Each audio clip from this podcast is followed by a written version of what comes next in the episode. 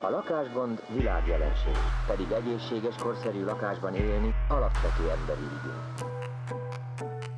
Lépjünk ki abból a megszokott megközelítésből, kocka, egyenes, nem legyen benne valami szerelem, valami szellem, valami, valami invenció, valami, ami húz. Ez a város megtagadta ezer éves múltját, sárba tiporta koronáját, nemzeti színeit és vörös rongyokba öltözött.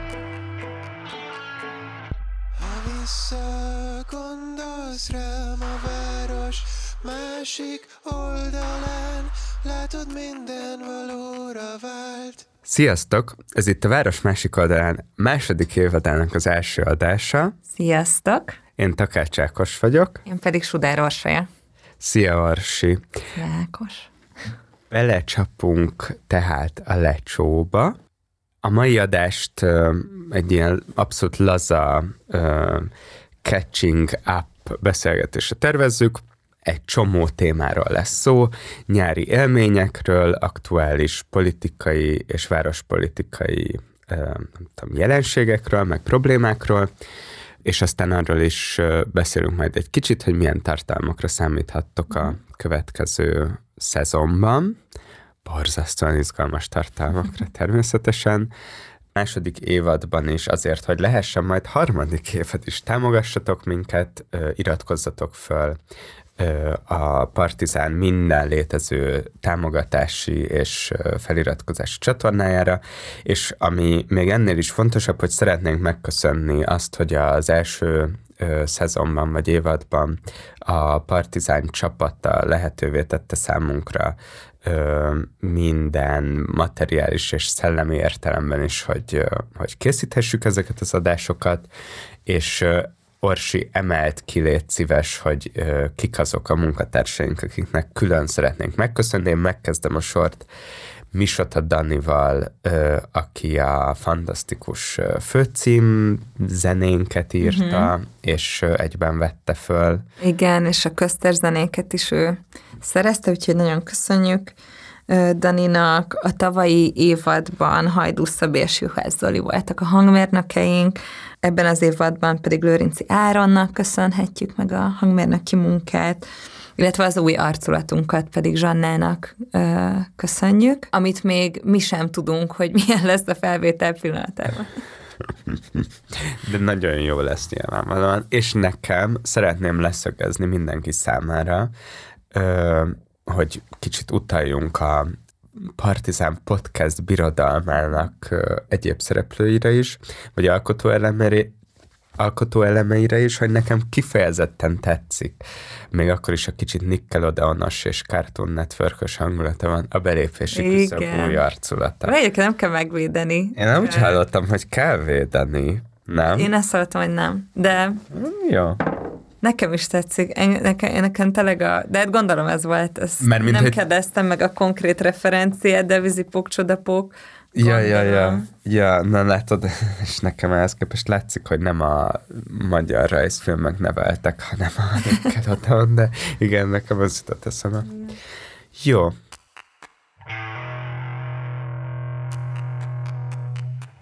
Szóval Orsi, Áki. nem azt kérdezem, hogy mi történt veled a nyáron, hanem azt, hogy mi olyat láttál a nyáron, Ö, és milyen olyan, nem tudom, térbeli élmények értek, ami releváns itt a podcastban. A nyaram nagy részét természetben töltöttem, amit nagyon régen nem csináltam, és, és most azt érzem, hogy idén sokkal nagyobb igényem volt, de így egész évben természetben lenni, mint eddig bármikor. Talán felnőtt életem során, úgyhogy a nyáron körülbelül az Isztrián voltam lélekben és testben a legtöbbet, Pula környékén, és ott azt hiszem, ami így izgalmas volt, vagy ami, ami így elgondolkodtatott, az, hogy ott a helyiek mondták, ott összehaverkodtunk pár ilyen baloldali mozsamós arccal, és, és ők is mondták, hogy nagyon-nagyon durva idén a turizmus, ugye ez a posztpandémiás őrület, ami Horvátország felé vezette egész Nyugat-Európát lényegében az nagyon, nagyon megterhelő volt ott az isztriai városok számára. Úgyhogy ez gondolkodtatott el, hogy tudjuk, hogy Montenegro, Albánia tengerpartjait, hogy előzönlötték idén is a turisták, ez mennyi helyi konfliktust okozott, hogy Albániában a tengerparton meghalt egyben, meghaltak idén nyáron, és azt hiszem 9 éves kisfiú is már ilyen jetskik is elgázolt, szóval most így látható, hogy hogy a posztjugoszláv térségnek a... Ja, elturistásodása. Elturistásodása az mennyire konfliktusos folyamat lesz, úgyhogy ezen flashaltam. Voltam a Fekete Zaj Fesztiválon, ami, ahonnan szerintem küldtem is neked videókat, hogy iszonyat izgalmas installációk ö, voltak az erdőben, amik a fesztiválhoz kötöttek. És egyébként megírom a diszertációmat, mióta nem vagyok szinte elnökségi most? tag. Hát most ilyen kutatási terv és forráslistás leadásokban voltam az elmúlt időszakban, és ami izgalmas, amit meg akartam említeni, az az, hogy éppen most írom a, azt a fejezetét a diszertációnak, ahol a nemzeti forma elméleti kérdéseit járom körbe, és pont most fejeztem be a kutatását a Skopje átalakításáról lévő résznek, és csak el akartam mesélni, majd lehet, hogy posztolhatnánk is néhány képet Skopjéra, hogyha bárkit érdekel, meg majd szerintem beszélünk is ilyen nemzeti forma dolgokról, ennek a fejezetnek a fő kérdés az, hogy a 2010-es években itt a régióban hogyan használják újra a nemzeti, nemzetinek ítélt, éppen a mostani korszint nemzetinek ítélt tradicionális formákat, és Skopje azért izgalmas, mert ott, igen. Nagy Sándor a plázában. Nagyon durva. Igen, teljesen. Ott a, a, amiért izgalmas, hogy most 2014-ben volt egy hatalmas átalakítási projekt Skopje belvárosában, eh, ahol egy ilyen Skopjere sose jellemző, ugye Skopje Macedónia fővárosa, és se Macedóniára, se Skopjére nem jellemző klasszicizáló, neohellenisztikus építészeti stílusba felhúzták a új igazságügyi minisztériumot, alkotmánybíróságot, nemzeti múzeumot, nemzeti színházat, tehát a közintézmények teljes tárházát felhúzták korintoszi oszlopokra. A fő tér legnagyobb szobra az egy Nagy Sándor szobor, ami ugye ott a course a görög-macedón eredet történetnek egy ez egyik legfontosabb szimbóluma. Szóval egy csomó borzalom, igazából tele lett a város olyan bronzszobrokkal, mint nekünk a szabadságtér környéken, tehát nagyon hasonló építészet, politikai, emlékezetpolitikai taktikákat látunk megvalósulni, mint Budapesten, de hogy ami miatt szerintem város képileg egy kicsit még talán izgalmasabb is a szkópjai helyzet, mint a Budapest, budapesti, az az, amit aki bárki járt a posztjugoszláv térségben, az ismeri ezt a brutalista, modernista vonalat, ami a jugoszláv építészetben, vagy hát a, a, a jugoszláv térségben megépült épületekre egy csomószor jellemző. Ami ugye egy sokkal változatosabb, meg izgalmasabb, nem tudom, milyen késő modernizmus, mint így, ami így. Magyarországon megvalósult. Igen és hogy ebben a, az építészeti kontextusban helyezték el ezt a neohellenisztikus városközpontot, ami egy teljesen groteszk látványt nyújt, Úgyhogy ezeken ö, gondolkoztam, mert ott ugye az volt Skopjében, hogy 1963-ban volt egy hatalmas földrengés, ami a történelmi várost ö, nagyon megsonyarította. Akkor egy japán Kenzo Tanga nevű építész kapta meg részben ő, ő volt a főépítésze a város rekonstrukciónak, aki egy Le Corbusianus építész volt, nagyon örült annak, hogy, hogy egy szocialista városban építhet nagy léptékben.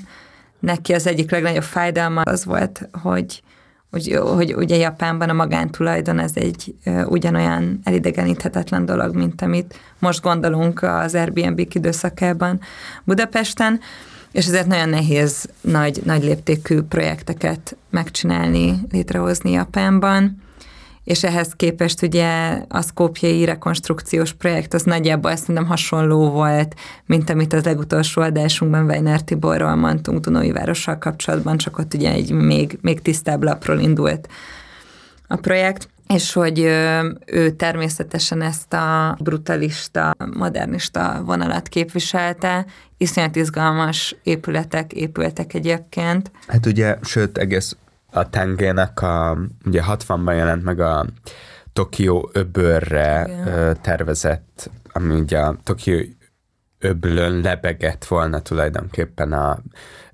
a város bővítése, és ugye a szkopjai terv is, meg ez a tokiói terv is, az nagyon erősen nem csak Szóval ugye túlment azon, hogy azon az ilyen modernista sémán, hogy hogy egyes épületekben gondolkodjunk, és ugye ő az ilyen megastruktúrás, nagy összetett rendszerben képzelte fejleszteni a várost, ahol ugye ilyen kicsit ilyen plugin-szerűen a különböző egységek egy ilyen nagy infrastruktúra hálóba illeszkedhettek volna, szóval egy kicsit másodlagos is volt a rendszer egészéhez képest az, hogy a, az épület, mint tárgy, az, uh-huh. az éppen milyen.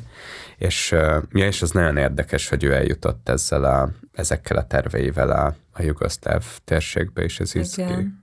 Igen. Igen, úgyhogy itt még van mit szerintem elemezgetnünk ezek tudástranszferekben. Viszont az most nincs előttem, hogy és akkor, tehát Skopjéban a tange szerepvállásával mi lett? Vagy mi lett ezekkel a tervekkel? Bármi abból legalább alapelvekként megvalósult az Abszolút, újjáépítésnél? igen, sok, Aha. sok minden. Igen. És akkor ebbe rongyott bele. Egyébként kicsit Ugye Most- ott is egy ilyen hasonló kormány van, mint ez egy kivételes alkalom, hogy Bede Márton cikket ajánlok, de 16-ban, hogyha a 444-en megjelent, hogyha megkeresitek a legrondább város most címen, azt hiszem egy szerintem elég szórakoztató, Igen. és legalábbis a helyzetet jól leíró ö, úti leírása Bedének, igen, azt, ö, azt ajánlom mindenkinek, vagy linkeljük. A világ legcsúnyább városa most, Skopje ez a Yeah, yeah. címe. Nagyon hasonló viták mennek le Skopjevel kapcsolatban, mint Budapesten mondjuk a várral kapcsolatban, ugyanis ott is az ellenzéki diskurzus az abszolút a korrupció körül forog. A projekt összköltségének egyharmada három kormányközeli cégnél landolt, Szóval érdekes, hogy hasonló politikai rezsimek, rendszerek mennyire hasonló emlékezett politikai és város tervezési eszközökhöz nyúlnak, ami átfordul egy ilyen ready-made ö, nacionalizmusba, amiben nagyon hasonló előre legyártott formáit hasznosítjuk újra a nemzeti identitásnak.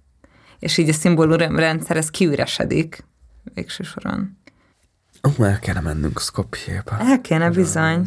Igen. Igen, de azért ebben az az érdekes, nem, hogy abból adódóan, hogy mondjuk uh, Skopjet ugye le is rombolták, nem tudom, nem volt olyan léptékben kiépített és olyan jelentőségű, nem tudom, 19. század végi metropolis, mint Budapest. Igen. Szóval, hogy ott és akkor van ez a kontraszt, amiatt, hogy ugye a földrengés után ö, újjáépítették a várost, szóval, hogy ott, ott sokkal markánsabb és, és gondolom nyomasztóbb hatással vannak a városra ezek az épületek, mint nálunk, hiszen nálunk még, hogyha minden megépülne a várban, és a város egyéb pontjain az ilyen, ezekből az Ja. ilyen zombi visszaépítésekből ö, egyszerűen olyan ö, léptékű, meg annyira meghatározó a városnak a, nem tudom, az építészeti állaga itt Budapesten, hogy, hogy még akkor sem járna olyan, vagy lenne olyan jelentős hatással a város összképére, mint mondjuk Skopjében ez a, ezek a közintézmények, vagy nem tudom, nekem ez a, ez a beny- benyomásom, hogy egy kicsit Ugye erről már beszéltünk, hogy tudom én nem tartom a, nem tudom, öt első legfontosabb problémának, urbanisztikai problémának az, hogy visszaépítik ezeket a dolgokat. Szomorúnak tartom, nem tetszik, stb. Meg problematikusnak tartom nagyon szakmailag, de hogy, hogy nem azt gondolom, hogy Budapest nem tudom, ettől megy tönkre. Ja, ja. Budapest urbanitása, Ja, de hogy, hogy nyilván egy ott teljesen más a kontextus, és ott jobban nagyon nyomja ezt a városképet, vagy azt a városképet.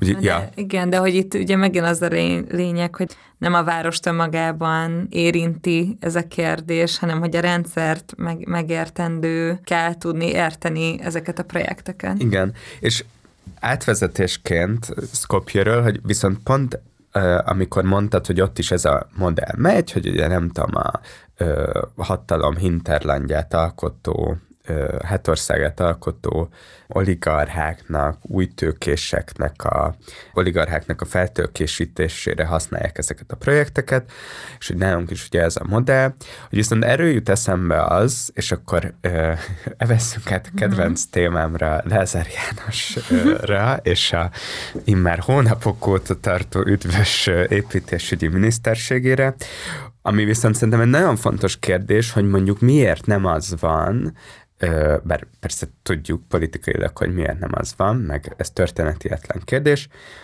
de hogy arra reflektáljunk, hogy ugye az ő kommunikációjában azon kívül, hogy most átfésüli a, az állami beruházásokat, és befagyasztja őket, tehát ugye most nem lesz pénz, mert beszéltünk a bevezetőben arról, hogy ha van pénz, akkor majd hogyan próbáljuk ezt nekünk üdvöse, nekünk és a társadalomnak is üdvösebb projektek felé terelni, de hogy most nem lesz pénz, ez elég egyértelmű, most leáll, azt hiszem most már két, több mint 2000 milliárd forintnál tartunk, amilyen fejlesztéseket leállítanak és kihúzogattak a listából.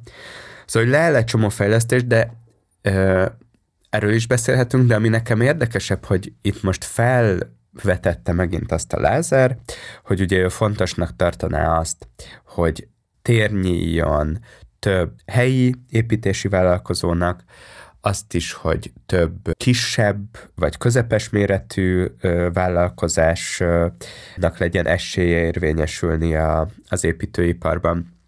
És ez szerintem csak azért nagyon érdekes, mert hogy nem magától értetődő az, hogy egy ilyen a, nem tudom, központi hatalom által hajtott, általában a történelmen mindig a központi hatalom ö, hajtja ezeket a nagy városmegújítási ö, vagy városfejlesztési projekteket, de hogy az azért nem magától értetődő, hogy ez csak két, három, négy, öt, tíz ö, oligarchának a tőké, feltőkésítésével mehet, tehát, hogy hogy ugye most úgy tűnik, aztán persze majd kérdés, hogy ezt hagyja a, a lobby ereje a, ezeknek a már meglévő gigavállalkozóknak, de hogy érted, egy, a Fidesz, nem tudom, ideológiai portfóliójába simán beleillene az is, hogy azt mondja, hogy ő, és még persze ez is a mi szempontunkból egy konzervatív városfejlesztés lenne, de szerintem csomó előnye lenne, hogy, hogy kisebb építési vállalkozásokat, vagy kisebb beruházókat uh-huh. támogat, és egy sokkal decentralizáltabb módon valósítja meg ezeket a fejlesztéseket. Ez most pont tök érdekes, az építész fórumon megjelent a Winkler Márknak egy cikke egy budai társasházról, belinkeljük, és most nem is elsősorban arról, vagy nem a házról akarok beszélni, hanem csak arról, hogy ő ott felhozza ezt szempontként, hogy azt is egy ilyen egy ilyen kis méretű, nem tudom, építési vállalkozás, vagy egy kis beruházó valósította meg ezt a társasházat, és neki teljesen más viszonya, elképzelései vannak arról, sokkal több idő és figyelem mhm. jutott arra, hogy ez építészeti szempontból is egy, most nem csak a, nem tudom, építész szemmel, hanem a ház léptékét, átgondoltságát, a lakások minőségét tekintve is egy sokkal, nem tudom, élhetőbb és emberléptékűbb projekt legyen, és ezt most csak azért emeltem ki, mert hogy én azt akarom itt most kibökni, hogy ö, azt az elképesztő mennyiségű erőforrást ö, meg adókedvezményt, amit az építőipar felé csatornázott a kormány az elmúlt években, azt lehetett volna ilyen kis projektek felé is csatornázni, mm. és nem csak a, a gigantikus uh, lakóparképítések felé, és hogy szerintem ez egy tök érdekes gondolatkísérlet, és azért mondom, hogy ez beleillik a kormány ideológiai portfóliójába, mert ezt aztán tökéletesen be lehet uh, csomagolni a nem tudom, középosztály, meg a vállalkozó polgárság uh, megerősítésébe is. Ja, hogy igen.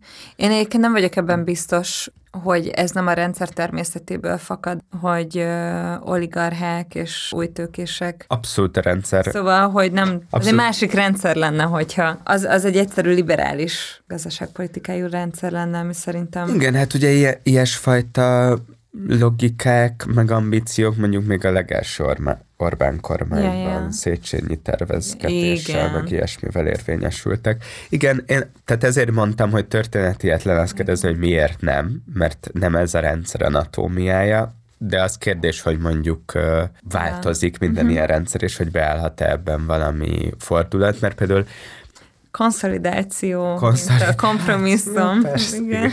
igen. Igen. Nem tudom, hát biztos, hogy nagy adag naivitás van bennem. Én most ad ilyen abban a vibe hát Lehet, hogy a Lázár fogja elhozni a konszolidáció Igen, időszakát egyébként, és tudom, hogy ez nagyon sokaknak vágya, hogy ez így legyen, szóval nem tudom, szurkolunk. Szurkolunk.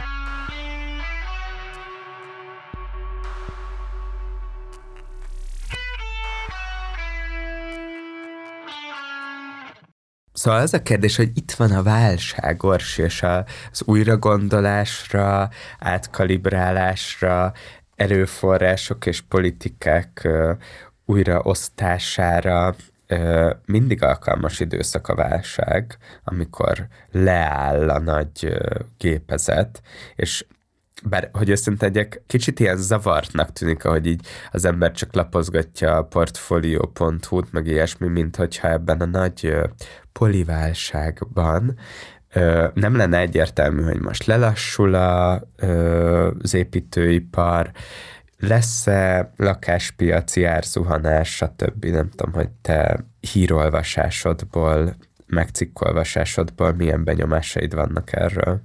Hát igen, a portfolio.hu-s anyagok szerintem alapvetően nem segítenek eligazodni feltétlenül a válságok természetében, vagy a, a teljes, hogy mondjam, hat, ható sugarában, és már csak azért sem, mert szerintem egy csomószor nem jó irányból közelítjük meg a válságokat, mégpedig azért, mert mit tudom én, most ez nem a portfő.hu-ról szól, de hogy amikor válságokról beszélünk, és ez 2008-ban is így volt, akkor általában a válságot először sújtó gazdasági szektorokról szoktunk beszélni, még így a hétköznapi nyelvben is, popkultúrában is, ahogy a Big Short című film is tökéletesen bemutatja az ingatlan piaci buborék szerepét a válság betriggerelésében, és hogy általában kevéssé beszélünk az ingatlan piacról, ami ugye minden a legtöbb modernkori válságunknak, vagy az elszenvedője, vagy a, vagy a, a kezdeményezője, vagy ugye triggerelője, hogy nagyon ritkán beszélünk az ingatlan piaci válságról lakhatási válságként. És hogy ez, mondom, még az ilyen popkulturális termékeknél sem mindig áll össze, hogy ez a kettő egy és ugyanaz, és ez a kettő, hogyha egy és ugyanaz a lakhatási válság és az ingatlan piacnak a labilitása, akkor viszont egy komoly globális gazdaságpolitikai kihívás van előttünk, ami alapvetően a lakhatási válságnak a kihívása. És hogy, hogy ez nagyon ritkán kerül így terítékre, ami szerintem azért is veszélyes, mert a most nem tudom, 20-25 éves emberek, azok a válságok, amiket ők átéltek, azok kivétel nélkül ingatlan piaci válságok voltak, és kivétel nélkül lakhatási válságok is voltak, mert hogy így arról se szoktunk nagyon beszélni, hogy az olyan gazdasági válságok, mint most a gázeremelkedés, a fával fűtés, hogy alapvetően újraírják a térrel való kapcsolatunkat, máshogy gondolunk a munkahelyünkre, az otthonunkra, ilyen alap ö, megszokott habitusokra, mint hogy befűt az ember ősszel. Ugye itt az a, tehát, hogy nekem ez ilyen ambivalens kérdéseim vannak, mert mondjuk, hogyha most az lenne, hogy hogyha bekövetkezne egy ilyen lassulás, vagy akár befagyása a dolognak, az egyrészt nagyon rossz, egzisztenciálisan mondjuk nem tudom, engem is érint, meg a barátaimat, mert mint az építész barátaimat, mint ahogy nagyon sokan mást nyilván még rosszabbul érint egy ilyen válság, de hogy, hogy ja, hiszen ilyenkor hagyományos el, elfogy a munka, de hogy közben meg, közben meg olyan szempontból ilyen várakozással is töltelez, hogy akkor tényleg ö, nem tudom, ezt lehet egy ilyen levegővételként is értelmezni. Persze, persze semmilyen garancia nincs a mostani politikai konstellációban arra, hogy abban a pillanatban, ahogy újra megteremtődnek azok a gazdasági körülmények, akkor ne indulna be ugyanúgy ez a képezet.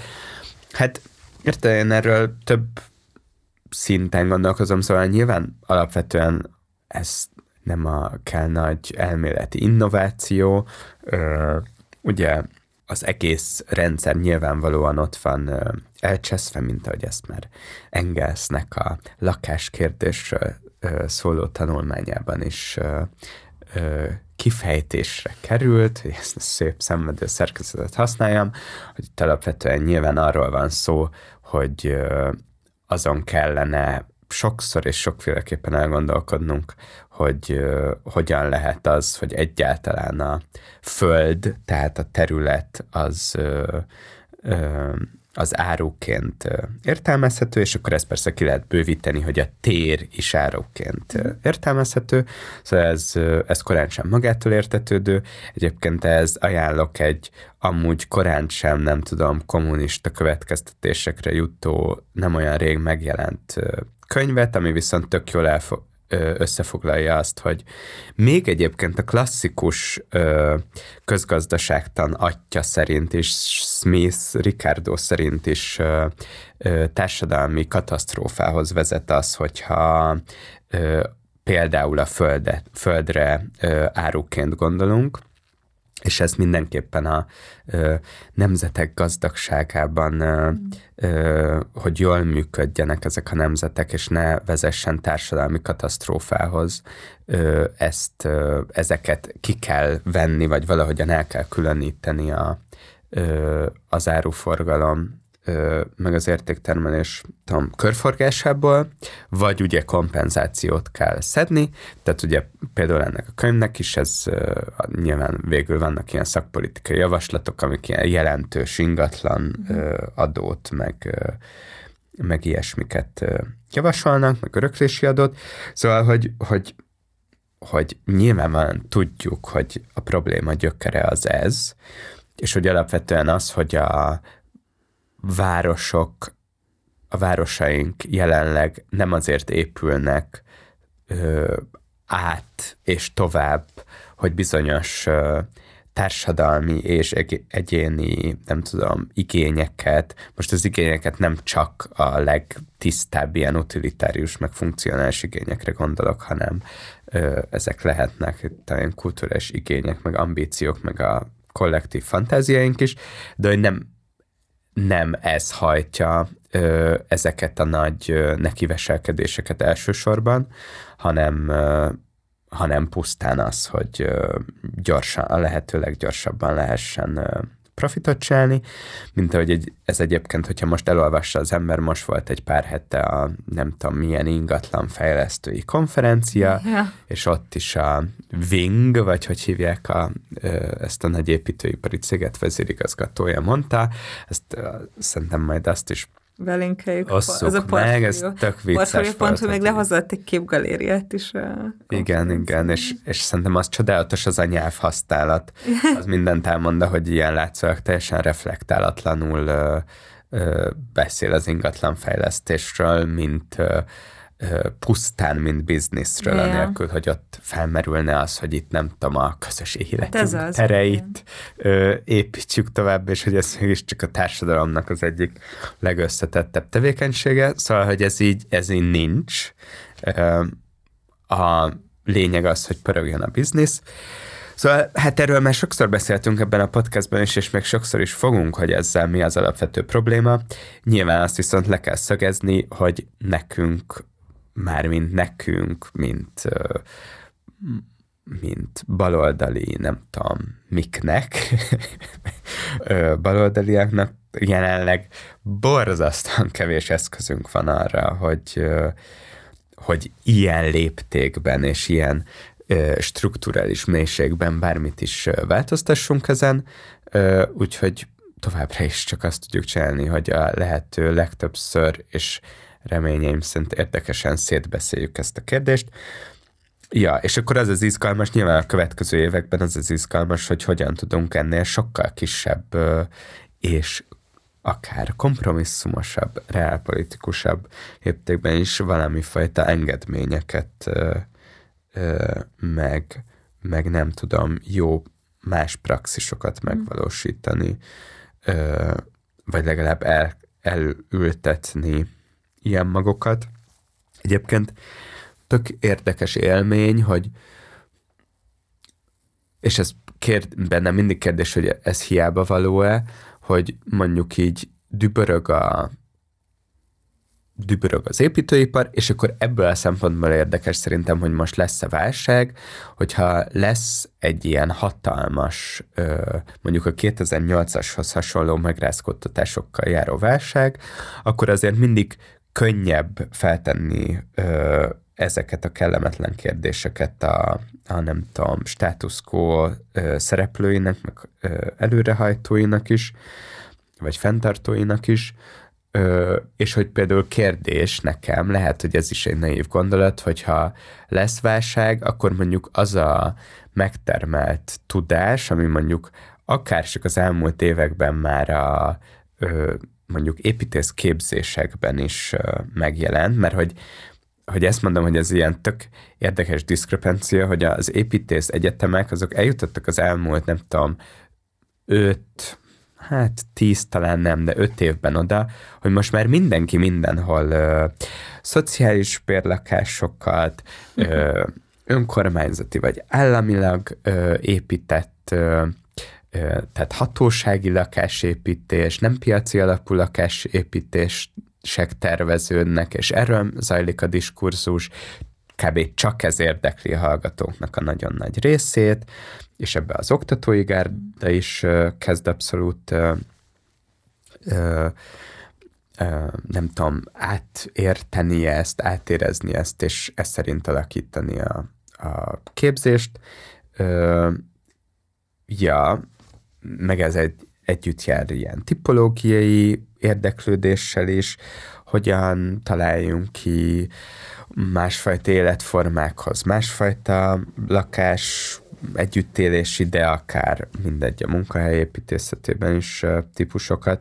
Szóval, hogy, hogy nekem az a kérdés, hogy ez az ott folyamatosan termelődő tudás, ez hogyan tud, nem tudom, a valóságra kifröccsenni, és ott valami hatás, maró hatás. ja. Igen. igen. Szóval, igen. Igen, ez engem egy kicsit egyébként aggaszt, hogy mert én egyáltalán nem látok rá az építész oktatásnak a, a változásaira, de hogyha ez így van, mert mint hogy gondolom, hogy így van, hogy, hogy egyre... Most azért egy kicsit, kicsit kedvezőbb képet igen. festettem, mint a... Buborékod miatt. Igen, igen. igen. De egyébként, ne, tehát hogyha abból indulok ki, amit mondjuk a kulturális buborékról feltételezek, akkor az így van. Mert ezt látjuk azért az ilyen nemzetközi populáris baloldali narratívákban is, az ilyen EOC körüli kulturális baloldali narratívákban is, hogy azért sokkal nagyobb a befogadó, vagy ezeknek a sikerességen látjuk, hogy sokkal nagyobb a befogadó közeg, mint nem tudom, 5-8 évvel ezelőtt. És hogy ez szerintem tök jó, csak hogy az azt hiszem az aggodalmam ezzel kapcsolatban, hogy mi az a politikai környezet, amiben megérkeznek ezek a, az építész hallgatók, vagy ezek a projektek, és hogy azért, és tudom, hogy mindig Vörös Bécsel példálózunk, mert mi mással példálóznánk, de ott ugye, ahogy az erről szóló adásunkban is beszéltük, hogy ott ugye az volt a, a, a, az unikális, hogy ott a politikai környezet az tökéletesen szimbiózisban kívánt lenni a kulturális környezettel, és hogy a kettő egymást építve hozott létre egy, egy olyan várospolitikát, ami, amiben prosperálni tudott a szociális szemlélet. Még akkor is, amikor mondjuk nem kifejezetten mondhatnánk, hogy a Vörös Bécs az politikailag megvalósult volna, és hogy szerintem valahogy ezen kéne dolgozni, hogy, hogy a pedagógia ez mindig párosuljon nem csak szimbolikus szinten, hanem így a konkrét politikai döntéshozási struktúrákkal is, és hogy erre kell szerintem egy alternatívát létrehozni a, a, arra az esetre, hogyha egyszer a jelenlegi NER rendszere vagy átalakul, vagy, vagy megbukik, hogy addigra már legyenek emberek, akik nem csak ahhoz értenek, hogy gondolkozzanak a szociális berlakásról, hanem konkrétan politikai döntéshozási Persze. gyakorlat is van. Most tudom, egyértelműt mondok, csak hogy...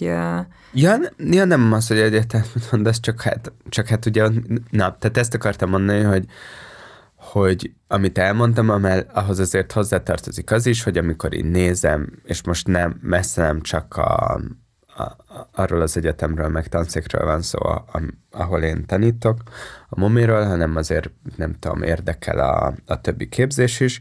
Szóval ott azért nagyon ennek egy ilyen nagyon apolitikus, vagy mondjuk az, hogy politikailag nem tudatos, mondjuk egy ilyen intuitív, ilyen romantikus mm-hmm. antikapitalizmus, ami ez ezt ez hajtja. Ez a kritikai tudomány, ez most van, szóval, hogy... Van, de tudod, vagy az a benyomásom, hogy azért ö, arról, hogy szóval ilyen rendszer szintű kérdésekről kevésbé van szó, minden, vagy a projekt, az ilyen projektek nagy többsége, és ez most nem csak a hallgatók részéről, hanem a, ebben szerintem a nem tudom, intézménynek, meg a, az, a az oktatóknak is sok feladata lenne, hogy az általában úgy kereteződnek ezek a feladatok, hogy azért kell újra gondolnunk az együttélésünk építés, épített körülményeit is, meg az épületeinket, mert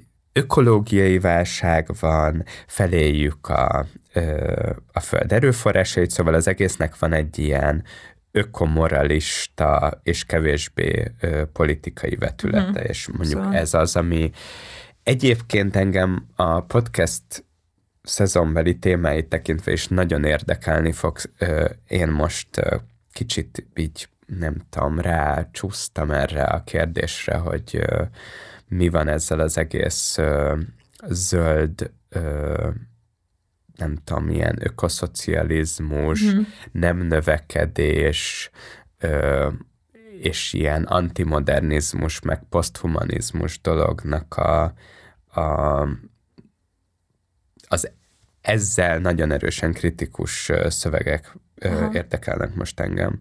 Igen. És erről majd szerintem beszélhetnénk több körben Mindenképpen. is Mindenképpen. Szóval nem növekedés, az egyébként is itt a válságok időszaká, hát ezt a válság termelte ki nyilván. Meg, ezt a... meg nekem van egy olyan érzésem, hogy ezt, vagy hogy ezt így ideje lenne kinyitni, Igen, ezt a vitát, szerintem. és hogy ez ilyen a, akár csak a buborékunkon belül is ez szerintem a következő néhány évben tök izgalmas, és néha szerintem intenzív vitához fog vezetni. Igen. Uh, ja. Igen, és egyébként csak mm, Jelen állás szerint abszolút ökomodernistának Igen. tartom magam. Tehát nem hiszek a, nem, sem a nem növekedésben, Igen. sem a technológia ellenességben. Ja. ja, én se abszolút, és hogy hogy... Akkor leninista. Hát igen, egy nem, nem mi fogjuk ezt most feltalálni, szerintem ezt a...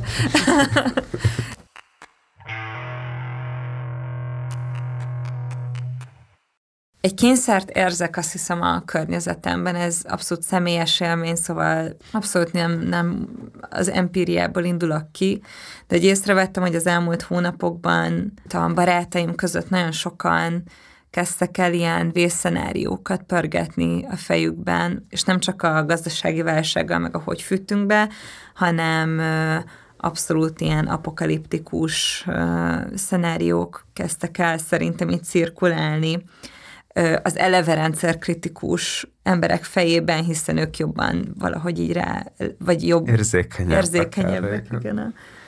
A, a válságszenáriókra, amit tökre értek, meg abszolút tudok vele empatizálni, viszont viszont uh, így nagyon nehezen találom meg azt, a, azt az ilyen empatikus álláspontot, amiben elfogadható számomra az, hogy így a nem növekedéssel, meg az ökoszocializmussal, hogy mondjam, tandemben az az álláspont, amiben ez a menjünk ki vidékre, és alapítsuk meg a saját kis mikrokozmoszunkat, akár ilyen kétfős, négyfős, hatfős családi környezetben, és termeljük a saját élelmiszerünket, legyenek jószágaink. Ez a farmi élet, ami szerintem egy érthető válasz, egy érzékeny válasz arra a sokrétű válságra, ami, amiben vagyunk és ami előttünk el, ugyanakkor nagyon problematikusnak tartom, és most nem egyének részéről, hanem, tehát hogyha így belegondolunk, akkor ez egy ilyen nagyon tipikusan individualizált válasz egy olyan problémára, aminek a valós megoldása csak közösségi lehet, közösségi alatt akár értem a nemzetközi koordinációt is. És hogy így fájdalmas egy kicsit látni azt, hogy a válságra adott válaszaink és ezt ugye tovább erősíti a kormánynak a válaszadása a válságra, ahol szinte kizárólag egyéni megoldásokat hajlandóak javasolni, abban spóroljunk, ö, ö, tessék átállni vegyes tüzelésű fűtési rendszerre, tessék annyit így járni, tessék bemenni az irodába, stb. Mondom, most kell kötött. De hogy ezek begyűrűznek, igen, egyébként a pulcsom alapján. Ez már meg, megint. Szóval, hogy, hogy, hogy a helyzet az az, hogy így lehet mondani, hogy a, a Fidesz az mennyire gyalázatosan individualizál, és hogy rendszer szintű problémákra csak egyéni megoldást javasol, de én azt látom, hogy még, még így az ellenzéki akár baloldali fejekben is az elsődleges és az ösztönös válasz az általában egyéni. És én ezért is örülnék, ha kinyitnánk a nem növekedést, meg azok a szocializmust, hogy, hogy így arról beszél, vagy így beszélni ennek az utópiájáról, meg beszélni erről a romantizált, ö, ö, individualista, így a zsigereinkbe beleégett világképről egy kicsit, hogy hogy kicsit dibankoljuk azt, hogy a közösség az minden áron a legjobb barátaidból, a leg, hogy mondjam... Mi az, hogy közösség? Mi az, igen, hogy közösség? ezekben a kérdésekben.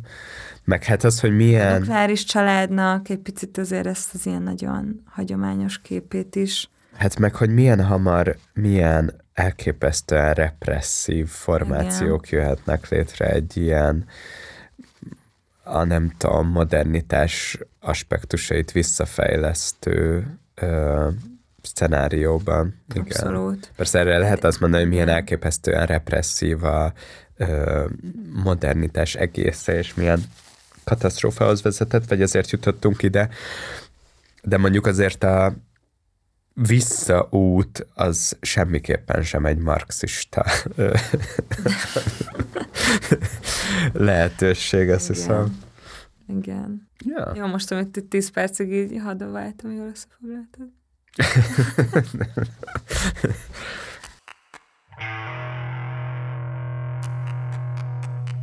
Szerintem a fő kérdés az elsősorban az, hogy hogy lehet szerveződni hogy, és nem egyéni szinten, hanem hogy lehet megszervezni válság idejére a munkaerőt, intellektuális erőforrásokat. Csak egy, egy példát mondjak, ezt nem átküldtem neked, hogy Kínában hetek óta sztrájkolnak a jelzálók hitelesek, ami legalábbis így jött le a magyar sajtóban, hogy sztrájkolnak az ingatlan hitelesek Kínában. Itt a háttér sztori az az, hogy bedölt a válság miatt egy csomó ingatlanfejlesztő cég, a, ahol már a lakásokat jóval ezelőtt eladták, hogy egyáltalán az építkezés elkezdődött volna, viszont a jelzálog hitelt már fizetik a, a vásárlók, akik így vásároltak, és ez alapvetően egy középosztály, tehát nem felsőbb középosztály, hanem középosztályt érintő probléma, tehát, tehát komoly likviditási problémát okoz ez sokaknak, és sokan nem fizetik egyszerűen a jelzálók hitelüket a banknak, és nyilvánvalóan ez egy ilyen nagy Igen, hát hatású dolog, csak hogy bocs, csak hogy így az, az ebben az érdekes, hogy a magyar sajtóban ez sztrájként ment le, és ez egy teljes félreértés és félrefordítás, ez egy bolykott. És szerintem ez például egy tök érdekes példa, hogy ameddig nincsen érdekképviseleti szerv, mondjuk a jelzálóghitelesek mögött, amit tudjuk, hogy Kínában nincsen jelzálóghiteleseket egybegyűjtő érdekképviseleti szerv, addig nem beszéltünk sztrájkról.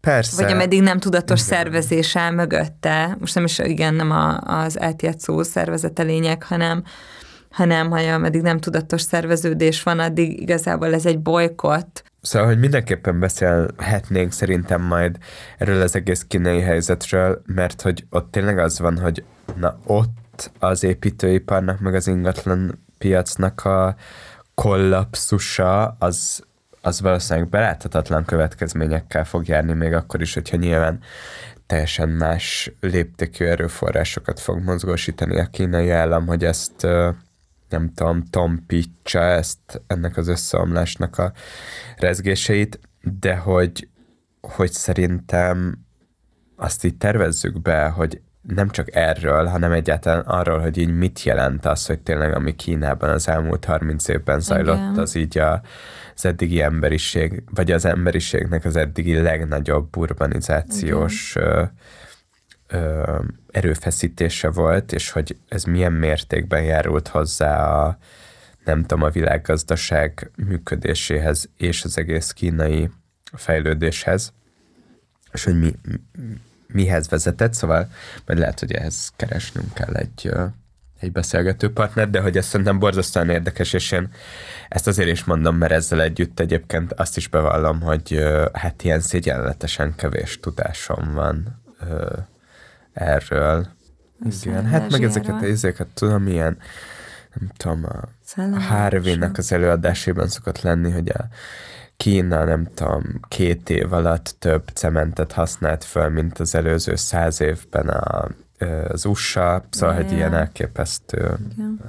léptékű dolgok történnek ott. Ja. Igen. Ezzel a válság dologgal meg szerintem az van, hogy, hogy van egy olyan dinamikája, nem tudom, ilyen közbeszédnek, meg az ilyen magyar, persze minden ilyen panditrinek, az ilyen beszélőfejeknek, meg szakértőségnek, hogy itt vagyunk szeptember közepe után, türelem, szóval nem most fog kiderülni az, hogy azok a prognózisok, hogy milyen hatással lesz erre, erodálja-e a, mm. ö, az a nem tudom, népszerűségét, meg a hatalmi magabiztosságát ez a válság, egyáltalán hogyan ö, mutatkozik meg ez a ö, válság, milyen politikai hatásai lesznek, milyen ö, végül hogyan éri el a ö, társadalmat. Szerintem ezt ö, ez tényleg télen, meg jövő év első felében fog kiderülni, hogy, hogy ebből hát jó szar lesz nekünk is, de hogy ebből tudunk-e valamit, vagy lehet-e valamit politikailag főzni, vagy ez jelente valami tényleg történelmi ö, fordulópontot. Hát igen, de hogy ez, ez tehát hogy azért hatalmas ára van ennek, és én azt értem, hogy amikor arról beszélünk, ami most a tegnap előtt tartott lakásmeneten is, a felvételhez képest tegnap előtt tartott lakásmeneten is, azért a fő meghatározó eleme azt hiszem az idei lakásmenetnek az volt, hogy, hogy idén mindenki azzal fűt, ami van, és hogy vagy tömegszállásra kell valószínűleg nagyon sok embernek vonulni, és én azt értem, hogy amikor ebből a szemszögből közelítjük meg, akkor nehéz elképzelni azt, hogy ebben nem bukik bele egy kormány. Nem fog. Hogy egy rendszer. Szerint, én szerintem se fog, csak hogy így empatikus vagyok azzal kapcsolatban, hogy, hogy amikor a leg, ö, legjobban kiszolgáltatott rétegeknek a szenvedését nézzük, akkor nehéz, vagy nehéz nem arra gondolni, hogy ez, ez egy forradalmi pillanat. Persze. Ugye ez az, ami, ami egy ilyen visszatérő dilemma, hogy a válság az kirobbantja a forradalmat, az éjségsztrájkban lesz-e forradalom és hatalomátvétel, Nyilvánvalóan nem, mert hogy már nem ezt a kort éljük, erről is beszéltünk az előző évadban szerintem többször, hogy egyszerűen a forradalmak nem így működnek, de hogy én értem, hogy miért van türelmetlenség a rendszer bukásával kapcsolatban. Persze, én is értem. Mm. Bár ezzel kapcsolatban sincsenek illúzióim, hogyha ez a rendszer megbukott volna, akkor Ugyanez. Vagy ugyanez lenne, vagy még, rosszabb, még rosszabb. Majd az árnyék kormány reméljük Igen, kiosztja a hiányzó fát. Az biztos. Igen.